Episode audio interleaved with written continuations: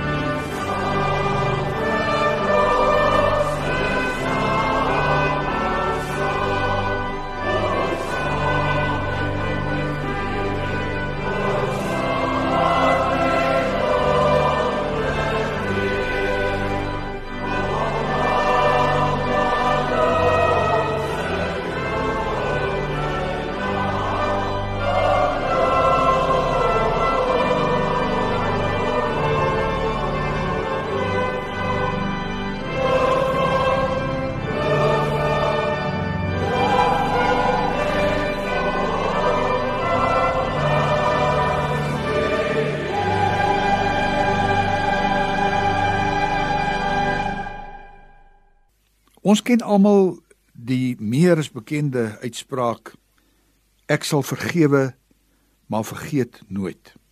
Ons hoor dit nogal dikwels. Miskien het jy dit self al gesê.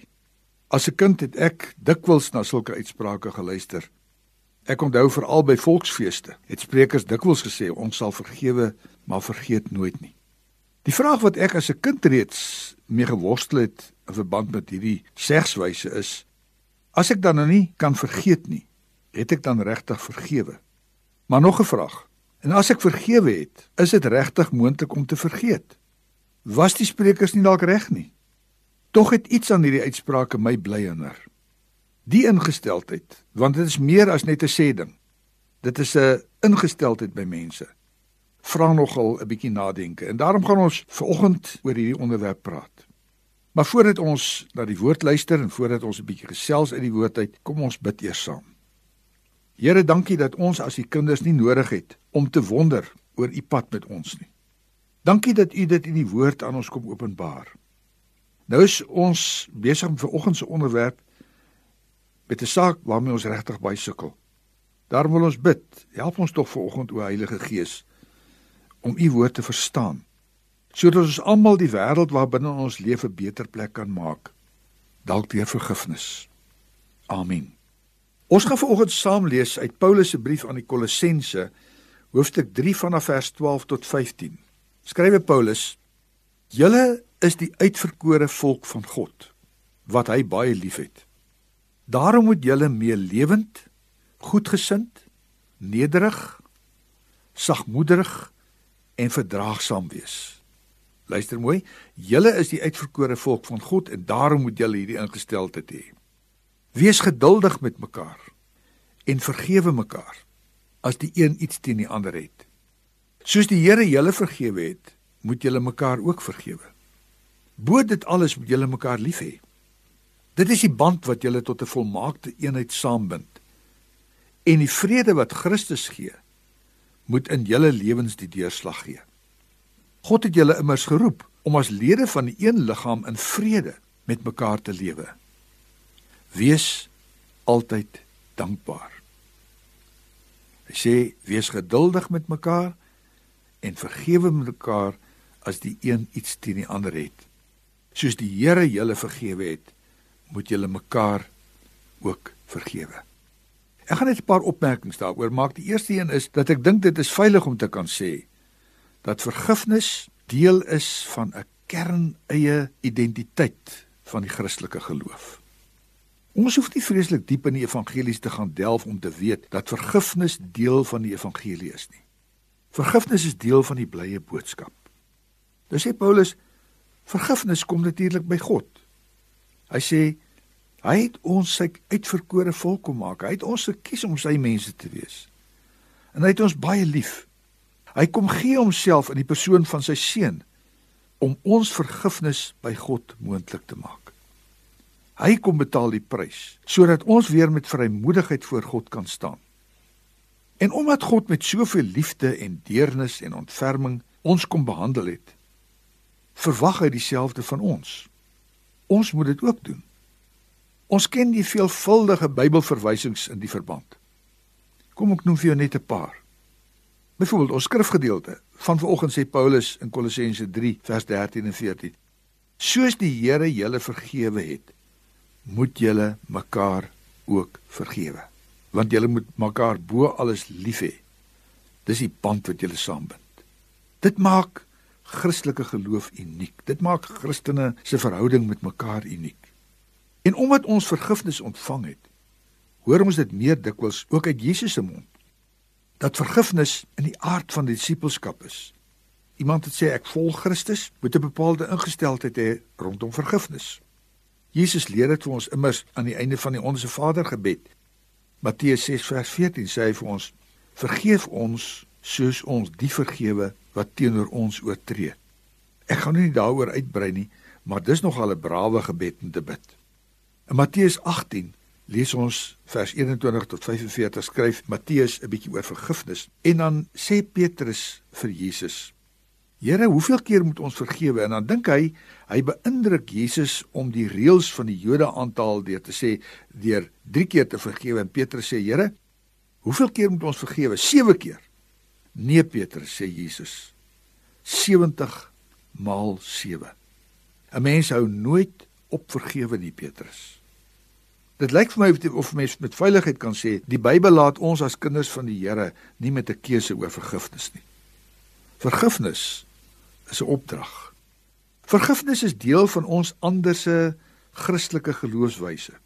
Dit is een van baie dinge wat ons as disippels van Jesus Christus van mense wat nie glo nie onderskei. 'n Verdere opmerking wat ons kom maak is om te kan sê dat dit is nou so dat vergifnis belangrik is. Maar vergifnis is nie so eenvoudig en voor die hand liggend nie. En dan wonder 'n mens as ons dan soveel in ons guns het omdat ons kinders van die Here is, Waarom is ons so weerstandig teen vergifnis? Daar is natuurlik baie oor die saak geskrywe. Een publikasie van professor Wenzel Koetser wat in 2008 verskyn het, het hy nogal redelik breedvoerig daaroor geskryf. Ek gaan nou nie als aanhaal nie, maar kom ons noem 'n paar dinge. Koetser sê ons is weerstandig teen vergifnis want ons verkies dikwels weerwraak. Dit is vir ons makliker om te sê oog vir oog en 'n tand vir 'n tand. En daarom stel ons ook voorwaardes vir vergifnis. Ons hoor dit baie keer oor hofuitsprake dat naasbestaanes van iemand wat skuldig is en wat later op parol vrygelaat word sal sê die persoon het nie berou nie of hy het nie bekering nie. Ek sal jou vergewe, maar dan moet jy eers berou en bekering toon. Want ons sê hulle moet boet, want as ek hulle vergewe, so dink party mense, dan verhoed ons dat hulle hulle verdiende loon sal kry. Hy is korrup, hy moet betaal. Of ek kan so 'n persoon en so daad gewoon net nie vergewe nie. Dis net groot vir vergifnis. Daar selfs baie mense wat die mite glo dat as ek woedend bly, sal my wonde heel word. Dis natuurlik presies die teenoorgestelde. As ek nie vergewe nie, dan raak my wonde, my emosionele wonde al dieper. Sommige mense dink ons kan vergifnis vinnig afhandel. Ons kan die pyn en die ongemak van die verlede kan ons maar deur vergifnis op 'n manier toesmeer sonder dat dit genesing bring van die verlede. Mense sien dit dikwels in sepies dat mense vinnig in, in gesprekke kan sê, "Goed, ek vergewe jou." Maar ek is bevrees vergifnis wat so maklik en so dikwels onnadenkend net gesê word om iemand se sin te kry.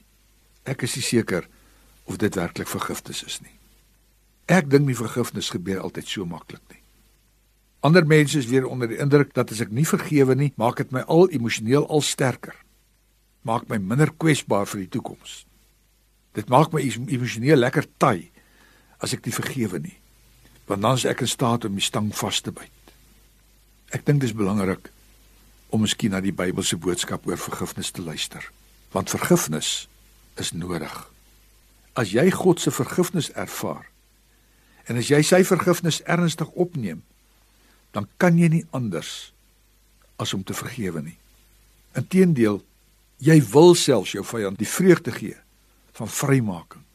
Jy wil self sê dat jou sê Christus in die bergrede dat jy jou vyand moet lief hê. Jy wil self sê dat jou vyand ook die vrede van Christus dalk moet ervaar. Jou vergifnis wat jy gee is eenvoudig logies omdat jy dankbaar is, sê Paulus. Kom ons kyk weer na die skrifgedeelte. Vergifnis is net moontlik vanuit 'n veranderde ingesteldheid teenoor God, teenoor die lewe en natuurlik teenoor ander mense. Dis my verhouding met God, sê Paulus in vers 12 tot 13, wat 'n paar kenmerke dra goedgesindheid nederigheid wat 'n hoogmoedige mens kan nie vergewe nie. Sagmoedigheid verdraagsaamheid geduld. Dit alles sê Paulus maak vergifnis moontlik. En as vergifnis gebeur het sê hy dan ervaar ek die vrede van Christus. Maar kom ons wees prakties emosioneel, sommer maar net ter wille van my eie gesondheid en my psigiese funksionering is vergifnis nie net aan te beveel nie. Dit is noodsaaklik. Kom ek noem vir jou 'n paar dinge. Soos 'n mens ouer word, is dit nodig om die bagasie van die verlede agter die rug te kry. Ek praat dikwels met ouer wordende mense. En ek sê altyd vir hulle: 'n Mens kan nie die reis van ouer word aanpak met swaar tasse van die verlede nie. As 'n mens ouer word, moet jy lig reis. Jy moenie met swaar reistasse vol emosionele bagasie daarmee dink dat jy betekenisvol kan ouer word nie. Dit is gewoon net nie waar dat tyd wonde genees nie. So sê party mense. Ons hoor dikwels mense sê tyd sal alles regmaak. As jy nie met jou verlede kan deel en afhandel nie, word die verlede eenvoudig nie heel nie. Dink maar aan gebroke verhoudings. Baie dikwels kan gebroke verhoudings net deur vergifnis heel gemaak word. Dieselfde professor Koetser wat ek net nou aangesaal het, het op 'n plek gesê onvergewensgesindheid is soos 'n emosionele kanker. Niks word heel daarsonder nie. Twee mense wat so ver van mekaar verwyderd geraak het dat hulle verhouding heeltemal verbrokkel het, sal baie mooi moet kyk na vergifnis. In die breekspel is daar gewoonlik na alle waarskynlik 'n hele klomp goed gesê en gedoen, seermaak dinge wat gebeur het. En baie dinge wat gesê is wat waarskynlik net deur vergifnis oorbrug sal kan word. Paulus is tog baie geduidelik in ons gedeelte wat ons saam gelees het. Hy sê vergifnis kom uit 'n hart wat goedgesind is, wat nederig is, Dis net 'n nederige mens wat kan vergewe. Want dit is net 'n nederige mens wat as 'n Christen reeds vergifnis ervaar het in Christus Jesus en wat daarom weet ek kan nie hoogmoedig oor myself wees nie. Dis net 'n sagmoedige mens sê Paulus. Ek kan nie die swaarste straf as regter uitdink vir die mens teenoor wie ek staan nie. Sagmoedigheid maak vergifnis moontlik. Verdraagsaamheid. Ek leer om saam te leef met my verlede. Want as ek vergifnis gegee het, dan dikteer my verlede nie meer my lewe nie. Paulus sê dit kom vanuit 'n hart wat vrede soek. Vrede waarbinne ek weer kan asemhaal. Van waar ek voluit kan leef. En boonop uit 'n dankbare hart. Want God het my geleer hoe vergifnis voel. Daarom is ek dankbaar. Miskien moet ek jou vanmôre vra. As jy kind van die Here is, as jy glo dat Jesus Christus jou verlos het en jou vrygemaak het en vir jou vergifnis gegee het, is jy opgewonde daaroor. Hoe opgewonde is jy daaroor? Is jy dankbaar daaroor? Want jy sien as jy is, sal jy dit graag ook met ander mense wil deel. En Jesus in die bergrede sê vir ons, sal jy dit selfs met jou vyand wil deel. Die mens wat teenoor jou staan, die mens wat vir jou skade berokken het, die mens wat jou seer gemaak het. Vergifnis kan ook sy deel word. Vergifnis is nodig vir my emosionele gesondheid. Iemand wat nie bereid is om te vergewe nie, bly vroeg met 'n klomp haat, met 'n klomp pyn uit die verlede. En dit laat 'n mens emosioneel sink.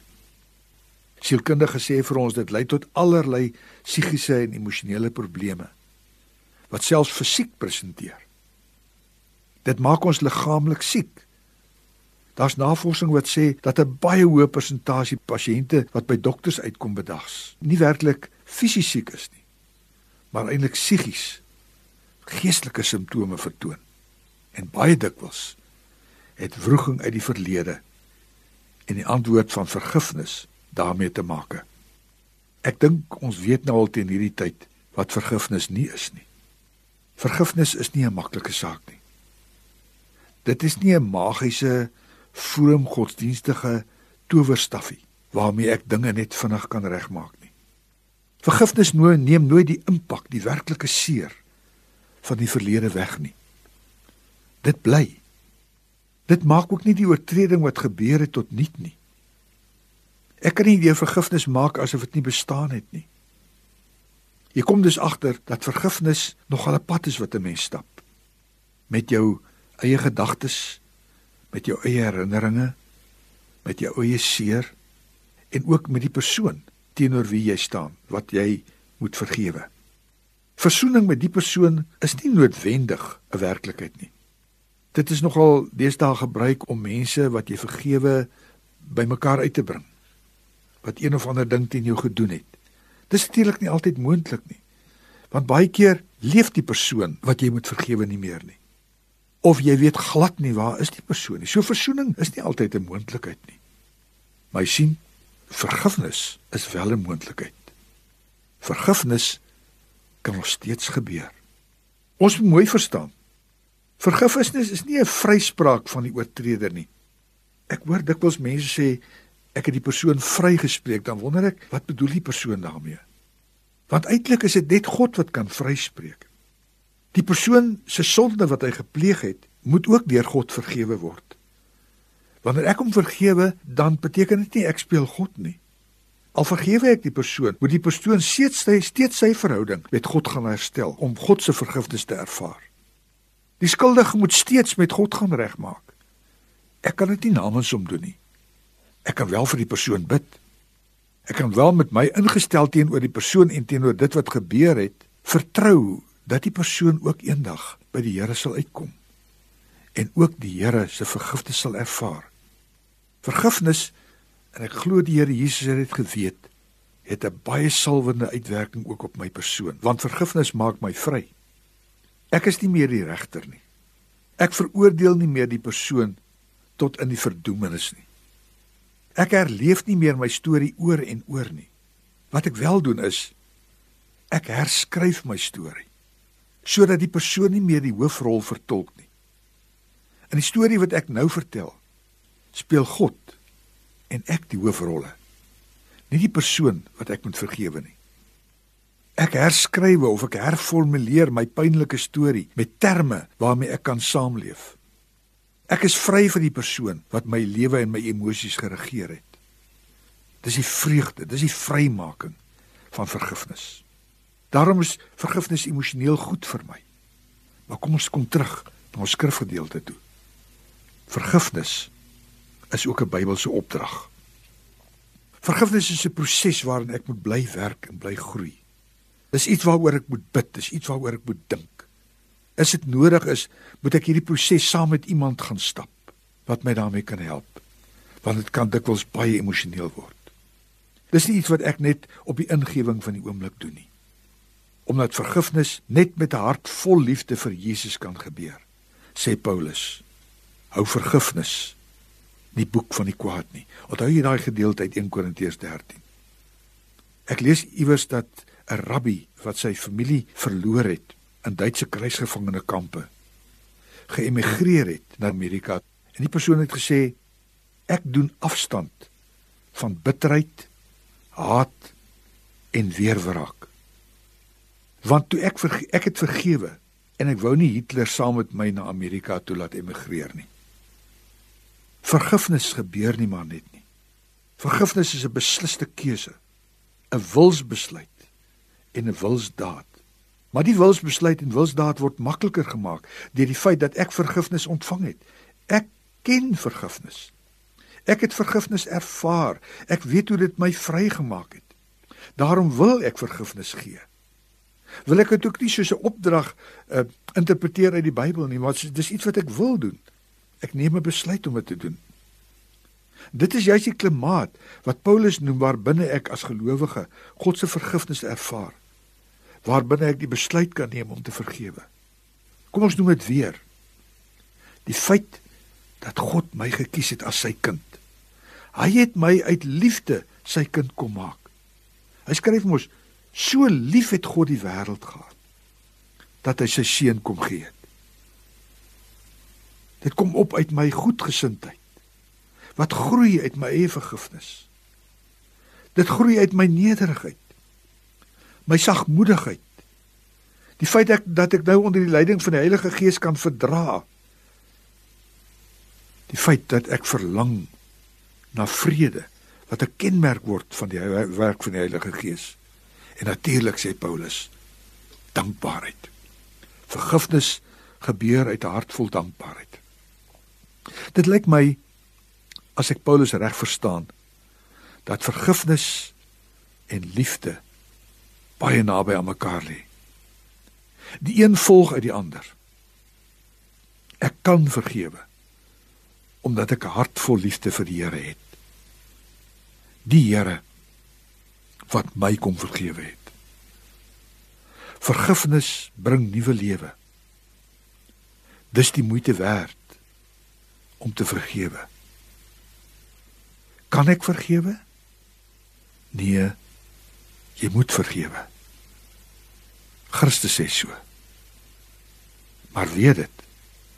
Vergifnis gaan jou op baie vlakke vrymaak. Here baie dankie dat U ons kom vergewe het. Dat U ons onvoorwaardelik kom vergewe het. Dankie dat U ons vrymaak van die regtersrol wat ons altyd probeer speel het. Toe ons seer gemaak is, wou ons weer wraak neem, wou ons veroordeel. Maar U het ons kom vryspreek. Dankie dat U my kom bevry wanneer ek ook vergewe. Amen. As 'n slotlied kom ons luister weer 'n keer na Oorkruin se sang liedboek 280 Here redder groot en magtig.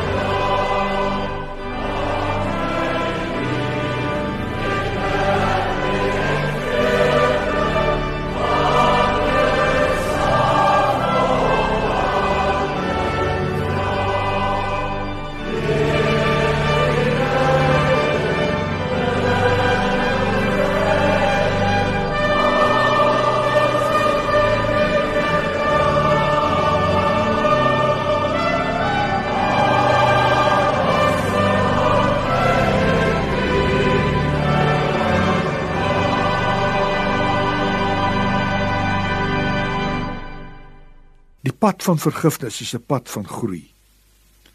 Dis nie altyd maklik nie, maar dit is bevrydend. As jy dan op hierdie pad dit gaan waag, onthou, die Here sal jou seën op hierdie pad. Hy sal jou beskerm op hierdie pad en hy sal tot jou redding kom wanneer jy bedreig voel.